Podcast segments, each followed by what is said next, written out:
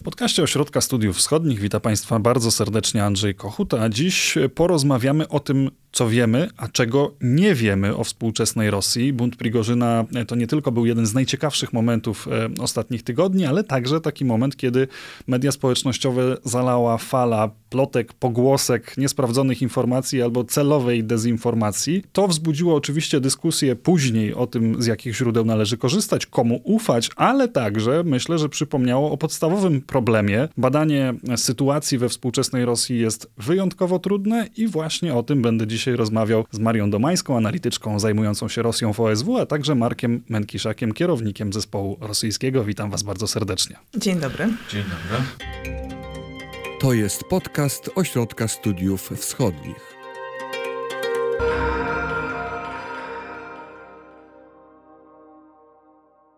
Przygotowując się do tej rozmowy, wymieniliśmy kilka maili. Ja sobie pozwoliłem na żartobliwy tytuł podcast o tym, czego nie wiemy, i chyba od tego wypadałoby zacząć tą dzisiejszą rozmowę, śledząc chociażby sytuację polityczną w Rosji, czego nie wiemy, a co tak naprawdę wiemy. Co możemy zrobić, kiedy, tak jak w ostatnich dniach, pojawia się w mediach na przykład informacja, że generał Surowikin trafił do więzienia? Ale żadnego oficjalnego potwierdzenia nie ma.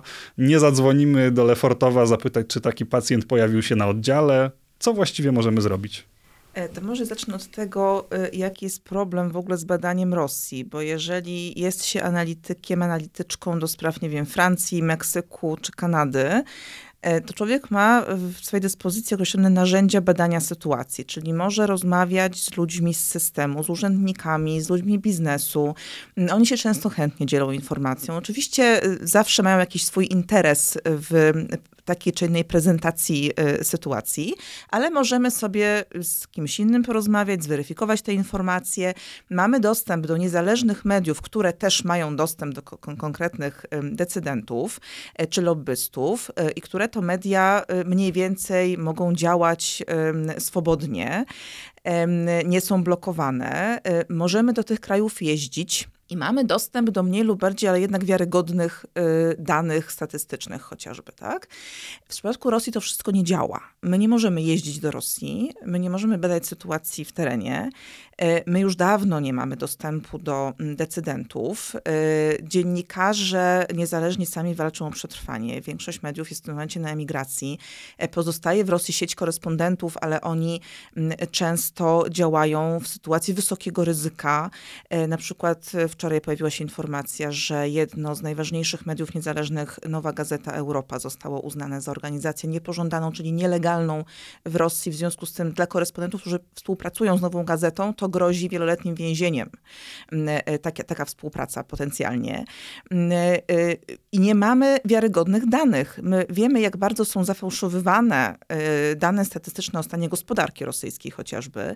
Nie mamy danych socjologicznych wiarygodnych i tak Choć tak dalej pewne tak badania opinii publicznej w Rosji jednak się pojawiają. E, tak, natomiast to wszystko jest ze znakiem zapytania, to, na to wszystko trzeba mieć poprawkę tego, że to jest system e, totalitarny de facto, e, gdzie jest cenzura wojenna, gdzie brakuje takich stuprocentowo pewnych narzędzi socjologicznych. Więc nasza praca to jest tak naprawdę zbieranie tych wszystkich informacji po kawałeczku, budowanie puzli, odsiewanie tego, co nam się wydaje niewiarygodne, czekanie też czasami a co się nowego za chwilę pojawi, co nam zweryfikuje i zmodyfikuje nasz obraz sytuacji, a i tak w każdym momencie może się okazać na przykład, że nagle gruchnie jakaś wiadomość, która nam całkowicie te puzzle rozsypuje y, i musimy je na nowo składać. A gdybym miał zadać takie pytanie techniczne, to gdzie takie puzzle znaleźć? Gdzie analityk szuka tych elementów, z których później stara się złożyć obraz rzeczywistości? Paradoksalnie rzecz biorąc, y, korzystamy z informacji oficjalnych bo to jest tak, że czasami informacja oficjalna, nawet komunikat niezwykle nudnie sformułowany, ma w sobie zakodowane pewne informacje, które traktujemy jako źródło, do którego krytycznie podchodzimy oczywiście, próbujemy je konfrontować z innymi, ale jest to jakieś e, źródło e, informacji. Jeżeli pojawia się depesza, pojawia się sugestia, że ktoś na przykład zostanie zdymisjonowany, no to dla nas jest to sygnał e, nie taki, że do tego dojdzie, bo no, wielu urzędników, czy biznesmenów, czy szefów koncernów w Rosji było dymisjonowanych już wielokrotnie w mediach, ale że ktoś chciałby do tego doprowadzić i to samo w sobie jest dla nas ciekawa mm, informacja.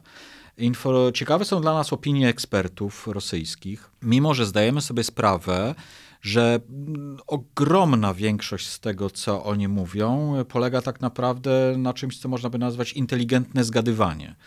E, bo to są oczywiście ludzie bardzo inteligentni, ludzie doświadczeni, ludzie mający jakieś tam swoje sieci kontaktów, ale przy tym stopniu zamknięcia tego systemu, przy tak e, wąskich grupach e, uczestniczących w kluczowych decyzjach, tak naprawdę działa pewna e, zasada, ja taką formułę sobie e, ułożyłem dosyć, dosyć e, beznadziejnie brzmiącą.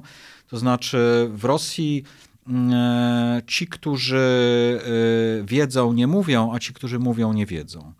Więc to jest taka robocza zasada. E, oczywiście to mogłoby nas prowadzić do zupełnie beznadziejnych e, konkluzji, takich, że niczego nie jesteśmy w stanie się dowiedzieć, a wszystko, czego się dowiadujemy, jest albo manipulacją, albo, albo tak naprawdę e, nie możemy tego traktować poważnie. Mm, no ale właśnie chodzi o to, żeby zestawiać te, te rozmaite informacje, krytycznie traktowane i patrzeć, czy, czy jest jakaś logika e, w, w nich, czy są jakieś między nimi może e, powiązania. E, I czy wreszcie nasza wiedza o tym, jak ten system działa, jakie są jego mechanizmy, pozwala nam na uwiarygodnienie niektórych informacji, bądź też bardziej krytyczny do nich stosunek. Ale jak rozumiem, taki sposób analizowania tego, co dzieje się w Rosji, jest pomocny, czy jest skuteczny, kiedy patrzymy na pewne duże trendy, na pewne przesunięcia w elicie władzy, na pewne zmiany, które toczą się przez kilka miesięcy, a może nawet lat. Natomiast te narzędzia są dużo mniej przydatne albo przynajmniej dużo mniej skuteczne, kiedy próbujemy analizować coś, co dzieje się dzień po dniu, jakąś konkretną informację, jakieś jedno wydarzenie, które nagle za pośrednictwem kanałów Telegramu przenika do polskiej infosfery, a, a my musimy odpowiedzieć na pytanie prawda, nieprawda, coś z tego wynika, nic z tego nie wynika i najczęściej jeszcze mm, jesteśmy pod jakąś presją pytających mediów opinii publicznej. Co wtedy? Wtedy można robić wszystko, żeby stanąć na wysokości jak najlepiej. Natomiast rzeczywiście jest problem taki, że w sytuacji, kiedy coś się gorącego, ważnego dzieje, jest zalew informacji. I teraz nie ma y, czasu, żeby wszystko przeczytać, bo tego jest za dużo tym mniej jest czasu, żeby to przeanalizować krytycznie i odsiać ziarno od plew. Oczywiście my to wszystko staramy się robić, tylko że ja pokazuję jakby skalę wyzwań, tak? Od nas się żąda natychmiastowych diagnoz i prognoz i, i co dalej, i rekomendacji jeszcze w ideale dla osób, które podejmują jakieś decyzje. No więc bywa rzeczywiście ciekawie i bunt Prigorzyna to jest taki, jeden z takich momentów, kiedy my też musimy zweryfikować swoją wiedzę na temat logiki procesów w Rosji, którą mozolnie latami sobie gromadziliśmy właśnie. I ona była ok, to znaczy na podstawie dostępnych informacji uważam, że robiliśmy najlepszą możliwą analizę. Tylko, że jeżeli sytuacja się zmienia, to niestety musimy się pogodzić z tym, że często nasze oceny muszą ulec dogłębnej weryfikacji mm, i dokładamy sobie do naszego arsenału wiedzy po prostu kolejny duży taki klocek, który, czy też pryzmat, może tak to ładniej ujmę, przez który będziemy postrzegać potem e, e, dalej mm, rozwój e, wydarzeń. Bunt Prigorzyna na przykład nam pokazał to, że te wszystkie, to przeświadczenie o tym, jak stabilny jest ten system, jak silny jest Putin jako lider, to wszystko ulega w tym momencie przewartościowaniu. Podobnie jak e, pierwsze już tygodnie e, wojny w Ukrainie pokazały, e, że runął mit tej niezwyciężonej drugiej armii świata. Wracając do pytania o Surowikina konkretnie, bo to jest bardzo ciekawy przypadek. Oczywiście mamy takie informacje, że jakoby go aresztowano, jakoby wiedział o szykowanym buncie Prigorzyna, być może nawet jakoś mu pomagał. I teraz my nie wiemy. Jak ja zobaczyłam tę informację, pomyślałam sobie, o jaka świetna operacja psychologiczno-dezinformacyjna ze strony Amerykanów, bo to Amerykanie wypuścili. Gdybym chciała wprowadzić rozłam w rosyjskiej elicie i wyeliminować z gry niestety dobrego dowódcę, który może Ukraińcom zaszkodzić, to bym coś mniej więcej takiego zrobiła. Oczywiście teraz to mówię pół żartem. Natomiast e, prawda jest taka, że my nie wiemy i musimy czekać na kolejne informacje. Powiem tylko kontekstowo, że na początku wojny gruchnęła wieść szerzona przez dwoje analityków i nikogo więcej, że jakoby wtedy szef piątej służby FSB e, Siergiej Bisieda, odpowiedzialny za operacje e, wywiadowcze, e, agenturalne na Ukrainie, został aresztowany, ponieważ rzeczywiście no, reakcja społeczeństwa ukraińskiego na agresję okazała się blamarzem służb, które wcześniej przekonywały kierownictwo państwa, że tam będą ich z kwiatami witać, witać żołnierzy rosyjskich. I była taka wieść, że jakoby go aresztowano siedzi w areszcie. No potem się okazało, że nie.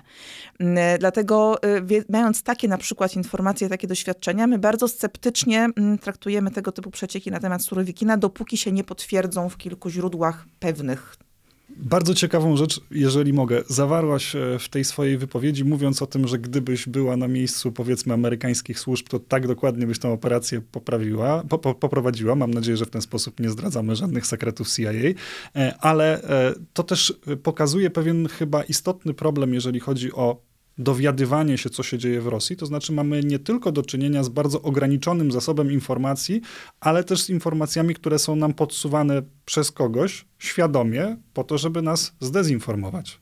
No tak, no i to, w jaki sposób próbujemy sobie z tym radzić, no to jest coś, co można nazwać krytyką źródeł i ona polega na wielu elementach. Jednym z elementów jest to, co, o czym Maria wspominała, czyli tak naprawdę duża wiedza na temat kontekstu e, wydarzeń, tego jaka jest historia problemu, jakie są strony, jakie są interesy, jakie są konflikty, jakie są sojusze, e, jaka jest dynamika e, sytuacji, bo to nam pozwala umieścić te informacje w kontekście i tak naprawdę ją uznać za bardziej lub mniej wiarygodną. Kolejną e, rzeczą jest e, zaufanie, czy po, poziom zaufania, czy wiedza o źródłach e, informacji, które te informacje przekazują. No to są też rzeczy podstawowe. Czyli my długoletnie doświadczenia obcowania z poszczególnymi źródłami wyrabiają w nas pewne, pewne jakby podejścia do nich, tak? Czyli to medium, ta gazeta, Ci dziennikarze konkretni mają e, e, swoje źródła, e, mają swoje zainteresowania, mają swoje poglądy, redakcje mają swoje linie redakcyjne, mają swoich właścicieli, ci właściciele mają swoje interesy, mają powiązania. I generalnie w ten sposób możemy sobie zbudować taką mapę i również na pewnej skali wiarygodności umieścić rozmaite informacje. Podam jeden konkretny przykład ponieważ sieci społecznościowe są teraz e, w zasadzie kluczowym w Rosji e, e, rodzajem źródeł, te słynne telegramy. Mm, więc jest takie jedno konto telegramowe, nazywa się Generał SWR. To jest konto, które jest niestety dosyć popularne i cytowane również przez zachodnie, nawet poważne media. Pamiętam artykuły Guardiana, które się na nie powoływały. Wiele polskich mediów, e, często nie wymieniając nazwy tego źródła, powtarza e, informacje tam e, zawarte. Problem polega na tym, że no, skądinąd wiemy, że autorem wpisów w tym, w tym źródle, w tym anonimowym koncie jest profesor Saławiej, który jest taką skandaliczną dosyć postacią, profesor Mgimo, który takim jest enfant terrible, osobą, która generalnie zarabia, bo on prowadzi biznes polegający na organizacji spotkań, na których rozsiewa e, teorie spiskowe na temat e, Rosji, funkcjonowania Rosji. Wielokrotnie przepowiadał już upadek Putina, wielokrotnie przepowiadał rewolucję, regularnie opisuje wojny toczone w, na Kremlu i w, pomiędzy służbami specjalnymi Rosji. I polega to na tym, że on bierze pewne szczątki rozmaitych informacji, dodaje do tego rzeczy, które uważa za prawdopodobne, a większość ich po prostu zmyśla i, i w ten sposób tworzy sensacyjny content, który ma zapewnić tak naprawdę napędzić jego biznesowy model e, e, działania. E, to jest przykład tego, że jeżeli wiemy, mamy określony stosunek do takiego źródła, no to jest dla nas jasne, że nie będziemy korzystać i traktować za wiarygodne tego typu informacji. Być może w przeciwieństwie do niektórych innych, o których wiemy, że mm, e, są powiedzmy, mają historię pewną potwierdzania się informacji, e, które w nich są publikowane, co też nie oznacza, że nie ma czegoś takiego, y, co nazywamy przeciekami kontrolowanymi, czyli świadomym wypuszczaniem, to nawet jest dosyć częste, świadomym wypuszczaniem poprzez media rozmaite informacje przez podmioty, których ta informacja dotyczy, czyli na przykład y, administrację prezydenta, y, rząd, struktury siłowe rosyjskie, które poprzez wypuszczanie określonych informacji próbują oddziaływać na otoczenie i na przykład y, odstraszyć y, y, potencjalnego przeciwnika, wysłać ostrzeżenie albo zbadać reakcje na ewentualne potencjalne działania, jakie mogą być, nie muszą być podjęte po obserwowaniu e, reakcji, po obserwowaniu tego, czy dana informacja została zauważona, czy wzbudziła e, dyskusję, jakie są głosy w tej dyskusji, czy ona prowadzi do jakichś reakcji e, oficjalnych bądź nie, i wreszcie wpływa na politykę i na opinię publiczną w innych krajach. Więc to są standardowe metody również, z którymi się stykamy i które musimy brać pod uwagę w naszej pracy żeby było jeszcze mniej różowo, e, ja się absolutnie zgadzam z tym, że powiedzmy, że możemy jakoś tam ufać wybranej grupie mediów czy dziennikarzy. Natomiast bywa też tak, że w sytuacjach trudnych dla członków elity oni się po prostu boją rozmawiać z dziennikarzami e, i nie ma dostępu do żadnej informacji, mm, ale też jest tak, że e, my to obserwujemy chyba już któryś raz, że elita rosyjska jest zaskakiwana decyzjami Kremla. Teraz od nas się oczekuje, że będziemy wiedzieć, co się dzieje, dlaczego się dzieje i co to oznacza, a oni sami tego nie wiedzą, poza bardzo wąskim kręgiem decydentów. I teraz dziennikarz, jak to sobie wyobrażam, przychodzi do takiego mm, źródła około kremlowskiego e, i pyta, no ale co tu do licha się dzieje? I, I takie źródło może powiedzieć uczciwie, nie wiem, albo może próbować coś konstruować, żeby nie stracić, nie wiem, reputacji w oczach e, dziennikarza, tak? Mm, I po prostu nie to, że dezinformuje celowo, wymyśla tak, zgaduje, a potem od dziennikarza zależy, czy on jest na tyle uczciwy, żeby to weryfikować, y, y, zrobić jakiś disclaimer, że powiedzmy, że nie wiadomo, czy to jest prawda, mm, albo po prostu nam to serwuje na tacy jako jedyną, y, jako jedyną prawdę dostępną, więc tutaj to jeszcze kolejny poziom absurdów to wszystko wchodzi. To ja bym dodał jeszcze jeden wątek, który zresztą pojawił się w wypowiedzi Marka, czyli teorie spiskowe, bo Gdybym powiedział teraz, że Stanami Zjednoczonymi rządzi sobowtór Joe Bidena, nikt by nie potraktował tego serio. Gdybym powiedział, że kanclerz Scholz ma swojego sobowtóra, który za, zamiast niego spotyka się z innymi politykami, też wszyscy popukaliby się w czoło. Kiedy napiszemy to o Rosji i Władimirze Putinie, to może pójść jako okładkowy materiał w jakiejś e, gazecie. Możemy analizować na podstawie tego, w jaki sposób on trzyma stół podczas wystąpienia, czy umiera na raka. I to się rzeczywiście dzieje, na ile komplikacją w tych e, dochodzeniach na temat Rosji są już istniejące teorie spiskowe i gdzie kończy się, czy gdzie jest ta cienka granica pomiędzy uprawnioną spekulacją i pewnym, pewną próbą przeniknięcia rzeczywistości i złożenia czegoś z tych kawałków, które mamy, a już teorią spiskową, która jest e, o jeden most za daleko. No, Rosja uwielbia teorie spiskowe. To jest taki kraj, gdzie jakby społeczeństwo jest niesłychanie podatne na tego typu e, teorie. E, niektóre są bardzo, bardzo popularne, nawet na poziomie oficjalnej propagandy są wykorzystywane. No, Pamiętajmy, że wypowiedzi ze strony Putina, ze strony jego bliskich współpracowników wyraźnie sugerowały na przykład, że Stany Zjednoczone stały za wieloma wydarzeniami, takimi jak na przykład e, arabska wiosna, która miała być zorganizowana przez CIA, jak e, wystąpienia polityczne w Rosji w końcu 2011 roku, które też miały być przez Departament Stanu i przez amerykańskie służby mm, e, organizowane. W związku z tym, jakby w myśleniu ludzi, którzy rządzą Rosją, tak naprawdę te teorie spiskowe są czymś absolutnie naturalnym. Oni uważają, że, że tak ten świat e, funkcjonuje. Co zatem, czemu zatem się dziwić prostym ludziom, którzy są konsumentami informacji, którzy są sobie jeszcze bardziej te, te rzeczy dorabiają.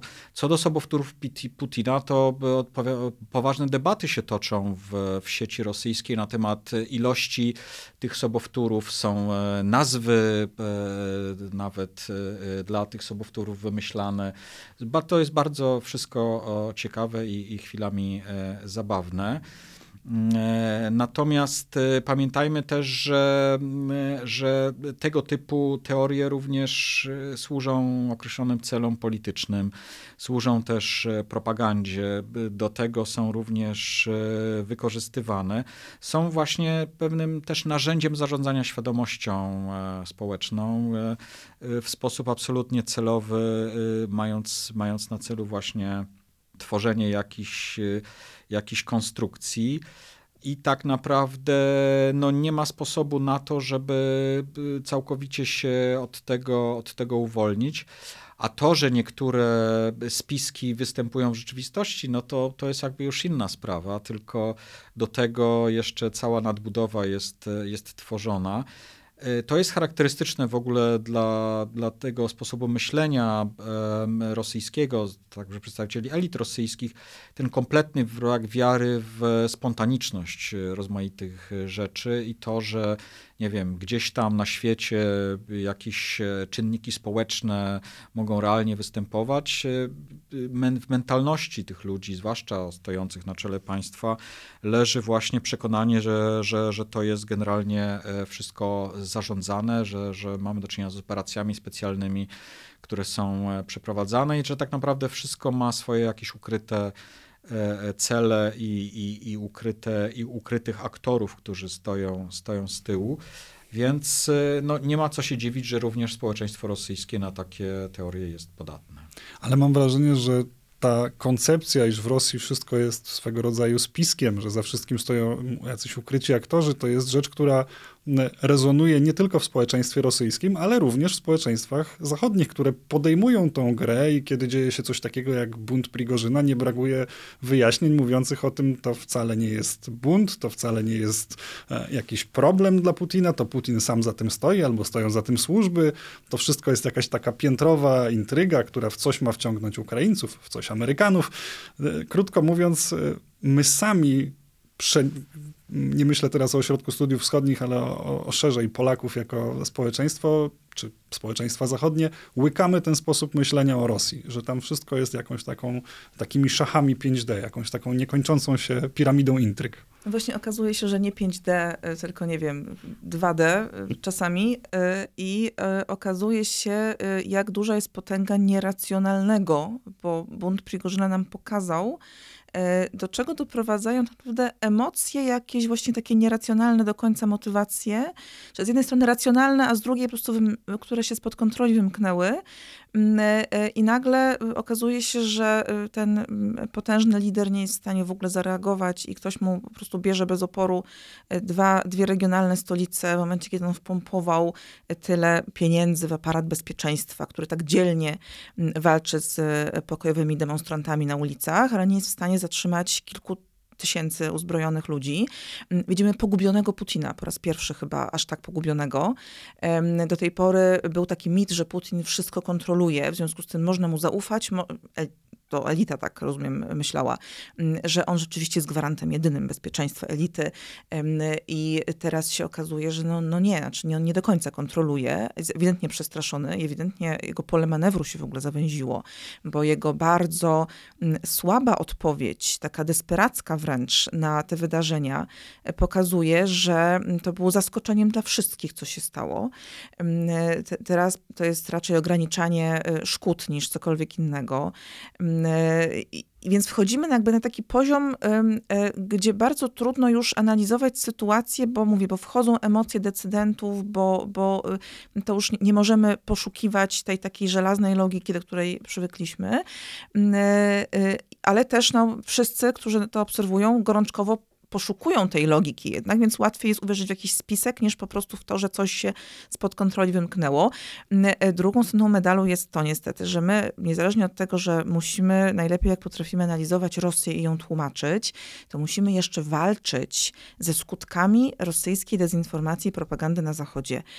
E, to się nazywa, e, pewnie po pol- nie, teraz tego nie powiem ładnie po polsku, kontrola refleksyjna, tak? Reflexive control po angielsku, czyli my robimy coś takiego, żeby wpłynąć na cudze postrzeganie sytuacji i wymusić pewne, pewne decyzje w sposób nie do końca może uświadamiany przez mm, obiekt naszych działań.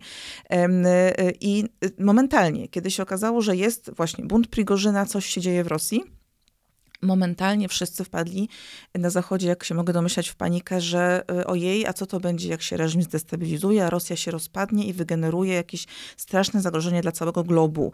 Niestety Kreml bardzo skutecznie sprzedał Zachodowi e, taką e, propagandę, że Taką Putin... wizję, że z jednej strony będzie Prigorzyn z atomówkami, z drugiej strony Putin z atomówkami. Tak, i nie ma jakby trzeciej opcji, tak? Tertium non datur absolutnie, więc ratujmy Putina, ratujmy tą stabilność Rosji, która nam wygenerowała wojnę i destabilizację kontynentu, i potencjalnie relacji międzynarodowych w skali całego globu, e, ale ratujmy Putina, bo, bo może być jeszcze gorzej w związku z... I, I nawet nie zadajemy sobie trudu my jako Zachód, żeby wymyślić, no dobrze, ale to w takim razie może jakieś scenariusze byśmy zaprojektowali, wymyślili, sprawdzili, na ile one są realne, na ile możemy na to wpłynąć wszystko e, i, i, czy, i czy na pewno odejście Putina e, byłoby najgorszym, co nas może spotkać. No i trzymając się tego przykładu, tutaj też możemy mówić o jakby wielopoziomowych e, narracjach, bo na poziomie oficjalnym narracja Kremla w tym momencie, e, jakkolwiek absurdalnie to brzmi, jest taka, że nic szczególnego się nie wydarzyło. Od początku kontrolowaliśmy sytuację i tak naprawdę to, że nie zmiażdżyliśmy buntu Prigorzyna, wynikało tylko z naszego wrodzonego humanitaryzmu i z e, niechęci do rozlewu krwi. E, to jest oczywiście wersja, którą być może kupią niektórzy prości obywatele, natomiast dla elity to jest jasne, że, że, to, że ta wersja jest nieprawdziwa. Ale właśnie dla, dla takich, którzy poszukiwaczy ukrytej prawdy, wydaje mi się, że Kreml paradoksalnie może wspierać i sam e, e, wypuszczać sugestie, że tak naprawdę była to jakaś forma ustawki i tajnego planu Kremla, e, no bo to jest tak naprawdę jedyny sposób na to, żeby ratować wizerunek e, Kremla jako w miarę stabilnego, e, silnego i kontrolującego sytuację, w sytuacji, kiedy jakby wszystkie dane, jakie mamy, wskazują, że jest dokładnie odwrotnie, że stabilności nie ma, że siły nie ma, że, że tak naprawdę zapanował chaos, panika. I, I ten Kreml i Putin osobiście jest poważnie osłabiony. Więc naturalne jest, że Kreml robi wszystko, żeby stworzyć taki obraz, który by temu, temu przeczył. A elementem tego budowania czy ratowania wizerunku przez Kreml może być też inne działanie e, rosyjskiej władzy, które jest skierowane nie do nas, tylko do rosyjskiego społeczeństwa. Myślę tutaj o propagandzie. Czy propaganda dla analityka zajmującego się Rosją jest e, źródłem informacji, czy tylko takim źródłem informacji na temat tego, co rosyjska władza próbuje w danym momencie sprzedawać swojemu społeczeństwu. To jest jedno ze źródeł. Możemy się zorientować przede wszystkim na przykład z propagandy jakie tematy wykorzystują, dlatego że uważają, że one zagrają na Zachodzie na ich korzyść, jakie wykorzystują, bo uważają, że to zagra w społeczeństwie rosyjskim, ale też możemy wywnioskować najważniejsze, dlaczego na przykład pewnych wątków nie wykorzystują, e, czego się boją wykorzystywać, jakie mają swoje własne ograniczenia, dlaczego nie mówią o pewnych rzeczach, e, a inne jakoś tam w takiej, a nie innej formie sprzedają społeczeństwu i odbiorcom zewnętrznym. No, natomiast no, to oczywiście jest tylko jedno z narzędzi i to takie dosyć e, ulotne i zawodne, bo widzieliśmy już kilka razy od początku wojny, jak gubiła się rosyjska propaganda. Ostatnio też przy okazji buntu Prigorzyna, kiedy widać było, że nie ma przekazu dnia mm, i wybrzmiały dosyć takie groźne, powiedziałabym, e, treści przejściowo, że mamy problem, znaczy Putin ma problem z sytuacją, tak? To jest coś, co nie powinno się wydarzyć przy właściwym zarządzaniu tą sferą dezinformacji. Nawiązując do tej wypowiedzi o propagandzie zainteresowanych, odsyłam na nasz kanał YouTube'owy, gdzie regularnie pojawiają się przeglądy rosyjskiej propagandy. Można e, na własne oczy się przekonać, jak tego rodzaju przekaz wygląda, kiedy jest skoordynowany, a także zobaczyć te momenty, kiedy się gubi. Chciałem zapytać jeszcze o jedną rzecz. Marek mówił wcześniej o takiej mapie, którą musi sobie zbudować badacz Rosji, żeby zrozumieć pewne zależności pomiędzy różnymi podmiotami, od których możemy pozyskiwać informacje. Maria mówiła o pewnym pryzmacie, przez który patrzymy na różne informacje pochodzące z Rosji. Rozumiem, że każdy badacz Rosji musi sobie zbudować tego, tego rodzaju pryzmat czy szkło, przez który, które patrzy na informacje, których nie sposób zweryfikować, ale można na podstawie różnych przesłanek oceniać, że są mniej lub bardziej wiarygodne. I rozumiem, że wtedy wkracza coś w rodzaju intuicji badacza, zdrowego rozsądku do pewnego stopnia, z braku innych, lepszych narzędzi, bo nie można wziąć telefonu i zadzwonić do Lefortowa, czy jest tam Surowikin. No tak, i y, jest jeszcze jedna rzecz, o, którym, o której chciałem wspomnieć, że no jest taka metoda, można powiedzieć, uniwersalna w analizie, która wskazuje na to, że jeżeli jakiś podmiot ujawnia informacje, które są dla niego niekorzystne i które stawiają go w złym świetle potencjalnie, to jest, to wzmacnia wiarygodność takiej informacji, bo to oznacza, że z jakichś powodów to, to nie, nie było możliwe do ukrycia i nawet jeżeli towarzyszą temu jakieś dodatkowe cele, to te, tego typu informacje brzmią bardziej, bardziej wiarygodnie. Marek Menkiszak, kierownik działu rosyjskiego, Maria Domańska, analityczka zajmująca się Rosją w Ośrodku Studiów Wschodnich, opowiadali dzisiaj o problemach, jakie pojawiają się w związku z badaniem sytuacji w Rosji. Bardzo Wam za tą rozmowę dziękuję. Dziękuję. Dziękuję. Państwa raz jeszcze zachęcam do sprawdzenia chociażby naszego kanału na YouTubie, ale także strony Ośrodka Studiów Wschodnich, gdzie regularnie są publikowane kolejne analizy, między innymi na temat Rosji. Andrzej Kochut, do usłyszenia.